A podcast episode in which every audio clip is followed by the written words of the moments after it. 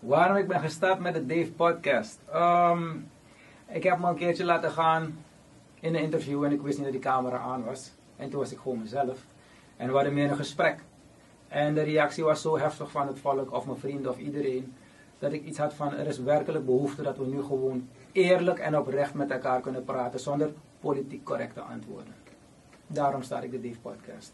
Tijd om onze mond open te maken en alles te bespreken.